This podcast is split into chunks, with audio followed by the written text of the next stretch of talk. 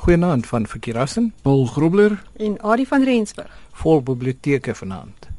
Daar's 'n heel paar van hulle in, in Windows, né? Paul. Daar's verskillende goed in Windows. Ja, En onder hulle is libraries. Dit was 'n vraag gewees verlede week. dis reg ja. Wat is libraries in Windows? En hoe gebruik mense? Ja, dit is ongelukkig libraries is nie 'n biblioteek nie, dit is wat dit genoem word, dit is 'n library. Nou um, Windows um, XP en Vista het uh, bekende vouers gehad soos jou of jou known folders. Ehm um, en uh, was 'n standaard stoorplek vir vouers en layers wat gebruik is. Nou XP was natuurlik die vernaamste vouers gewees soos My Documents. Ek seker van julle kan dit nog onthou. Mhm. Uh, dis baie snaaks as ek deesdae met mense gepraat en ons begin van Windows of DOS nog praat en dan kyk jy ouens jy so Wat Baie- is dos? ja Ja, oom, ek kan dit. ja ja Ons gee ons ouderdom weg. ja nee. wat oom het nie 'n selfoon gehad op skool nie Ja. nou ja Annie bekend en dan natuurlik bekende vouers ook soos My Pictures en My Music Ehm um, Vista het natuurlik dieselfde gehad behalwe dat dit die My gedeelte het dan nou vooraan weggeval. Nou wat toe nou gebeur het in Windows 7 is dat hulle toe nou libraries bygevoeg het uh wat die standaard vouers eintlik vervang dan nou soos wat ons dit geken het. En uh, daar's dan nou vier biblioteke naamlik Documents, Pictures, Music en Videos. Nou 'n biblioteek is 'n is basies 'n vouer met subvouers binne en dit soos wat ons nou maar kan skep ook, maar die groot verskil kom natuurlik nou in is dat ehm um, dit is nie 'n werklike vouer nie. Dis 'n word amper 'n virtuele 'n virtuele Jy vouer. kan dit nie verwyder nie. Wel, jy kan wel jy kan dit skep. So jy kan nuwe biblioteke skep. So is nie dat jy dit nie kan verwyder nie, maar dit dit dis nie jy stoor nie regtig enigiets binne in dit nie. Jy koppel net goed. Dis meer 'n Ja, dis ge- ding. Jy gebruik dit meer dit is reg. Ja, jy organiseer jou biblioteek. Ehm um, Hmm. of jou vouers dan in hierdie biblioteek soos wat dit vir jou sin maak. So jy kan dieselfde vouer letterlik in meer as een biblioteek ook hê. Jy kan 'n Mhm. koppel aan meer as een biblioteek as jy nou regtig sou wou. Nou uh, elke biblioteek het dan nou sy eie verstek inhoud of uh, dit word dan nou default content genoem.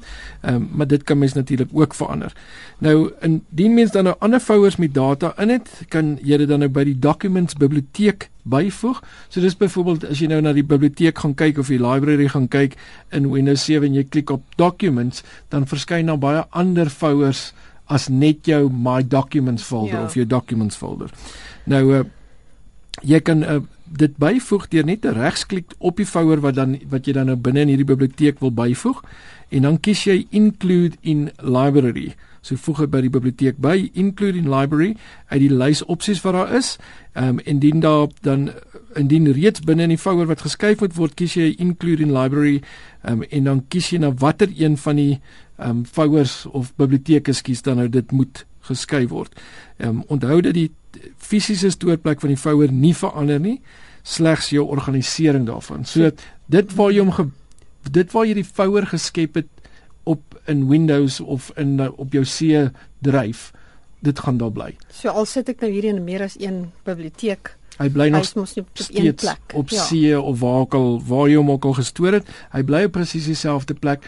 Jy koppel hom nou net aan hierdie biblioteek op die einde van die dag. Dan kan jy ook uh, dokumente overlaar met dokumente in wat byvoorbeeld op eksterne hardeskyf is wat permanent gekoppel is. Kan jy dit ook so doen? Ja, jy kan enige hardeskyf sal jy kan kan Koppel aan. bly die- op die hardeskyf maar jy sal wys onder jou. Hy dis reg ja, hy Mm. wys net binne in hierdie in die biblioteek, dis Ja. reg, ja.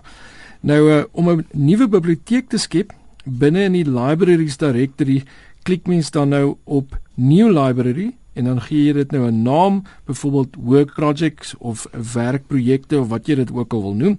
Ehm um, en die eerste keer vra dit of 'n mens 'n vouer wil insluit daarbey, so hy wil outomaties weet watse vouer op jou hardeskyf wil jy dan in hierdie biblioteek sit. 'n Leë biblioteek is seker nou maar net dood eenvoudig simpel. Um, so hy wil weet, hy wil weet of jy dan nou 'n boek of twee daar wil insit en of dit nou 'n uh, ja. So dan kies jy nou kan jy nou kies watter vouers jy of uh, vouers jy dan wil insluit in hierdie biblioteek. En dan soos mense nou nuwe biblioteke skep, word hulle dan nou bygevoeg in die lys van opsies en dan as jy natuurlik daarna nadat jy hierdie biblioteek geskep het op enige vouer regsklik um, dan kan jy nou met en jy gaan na include in library toe dan sal jy natuurlik nou hierdie opsie of hierdie biblioteek lys Nou, as jy, as jy, as jy nou Windows 7 by werk gebruik, kan jy ook 'n netwerk uh, opsie hê. Die folders wat op die netwerk s- sit. Netwerke kan Kan problem, skuif. kan problematies wees. Ehm um, ek dink dit hang maar af van situasie tot situasie. Ek wil dit is 'n uh, dit lyk of dit vir baie mense kan werk, maar vir ander mense nie kan werk nie. Mhm.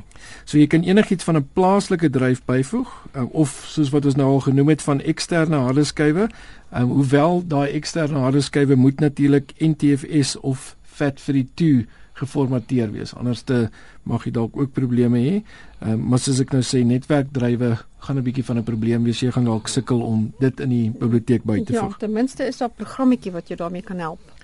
Soos altyd. Ja, en Arie se- Arie gaan ons nou vertel van daai programmetjie ehm um, wat jy dan uh, nou wel kan kry om jou te help om hierdie netwerkdrywe ehm um, ook dan in jou biblioteek by te voeg. En dit is by Ari. Ja, natuurlik. Ehm um, heel eers oor libraries, as jy net eers wil libraries uh, gaan oplees, kan jy gaan na die webwerf www.makeuseof.com. Ehm um, en dan is daar by How to Geek ook 'n artikel daaroor en selfs lifehacker.com het 'n het 'n artikel daaroor, maar vir die volledige webwerwe gaan kyk gerus by die by RSG se webwerf. Ja, gaan gerus na rsg.co.za en onder Chala tyd gaan kyk net daar vir rekenaarrubriek en daar sal jy al hierdie inligting kry sowel as alles wat ons uh, bespreek het. Nou dan is daar 'n 'n 'n Windows 7 library tool. Ehm um, dit is aangepas vir Windows 8 ook, maar dit werk nie so goed met Windows 8 nie. So vir Windows 7 gebruikers werk dit uitstekend. Ehm um, dit is 'n uh, daar is 'n resensie gedoen by oor hierdie produk by www.pcworld.com. En ehm um, soos ek sê, dis die Win 7 koppelteken library koppelteken tool. Um, wat 'n mens moet net gaan opsoek op hierdie webwerf. Ek seker van as mense dit net Win7 library tool gaan Google ook Mm. behoort jy in elk geval die skakels te kan kry. Dis En natuurlik uh, hierdie skakel ook dan by die rsg.co.za webwerf onder die rekenaarrubriek by Chala tyd. Nou Abby Koeglenberg het vir ons geskryf. En het 'n snaakse probleem. As jy nou 'n uh, sagteware aflaai om jou registry skoon te maak, is dit gewoonlik om jou om jou rekenaar nou vinniger te laat werk. Nou hy sê hy het so 'n ding gedoen en sy sy rekenaar is geleidelik al hoe meer stadig. Ja, die probleem met nee. ja, nee, die probleem daarmee is is dat 'n mens daar is deesdae so baie advertensies. Jy kan maar gaan Google, ek wil sê vir enige probleem kan jy Hmm. iets gaan Google en daar gaan van hierdie registry fix goed Ja. opkom, maar dit is nie regtig dis nie regtige programme wat jou wat dit regtig gaan herstel nie.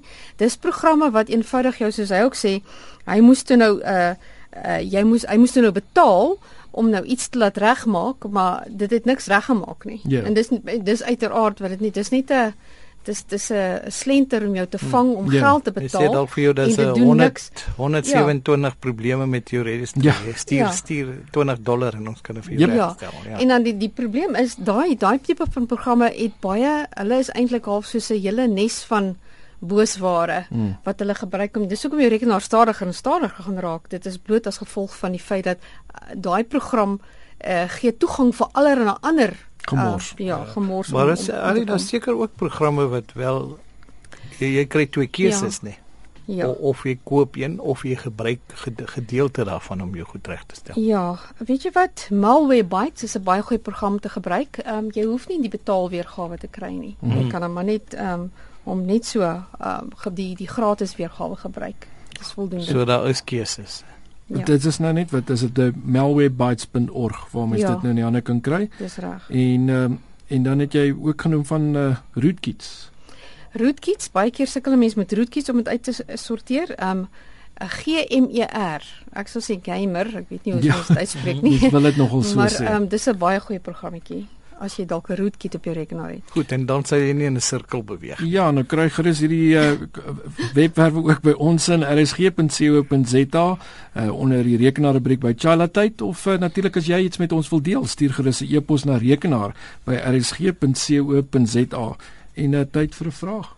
Ja, in die sirkel het ek van gepraat. het. O, dis ja. dit die sirkels waarvan jy gepraat het. Ja, ja. nou, wat is 'n Google Circle? Uh, wat is 'n Google Circle? 'n Go 'n Google sirkel. Ja. Wat is dit? Ons gaan 'n bietjie volgende week daaroor gesels. Hoopelik nie te veel in sirkels gesels nie. Ehm um, en uh, dan kan jy ook uh, leer oor Google Circles. Tot dan van Verkerassen. Paul Grobler En Adie van Rensburg. Goeienaand.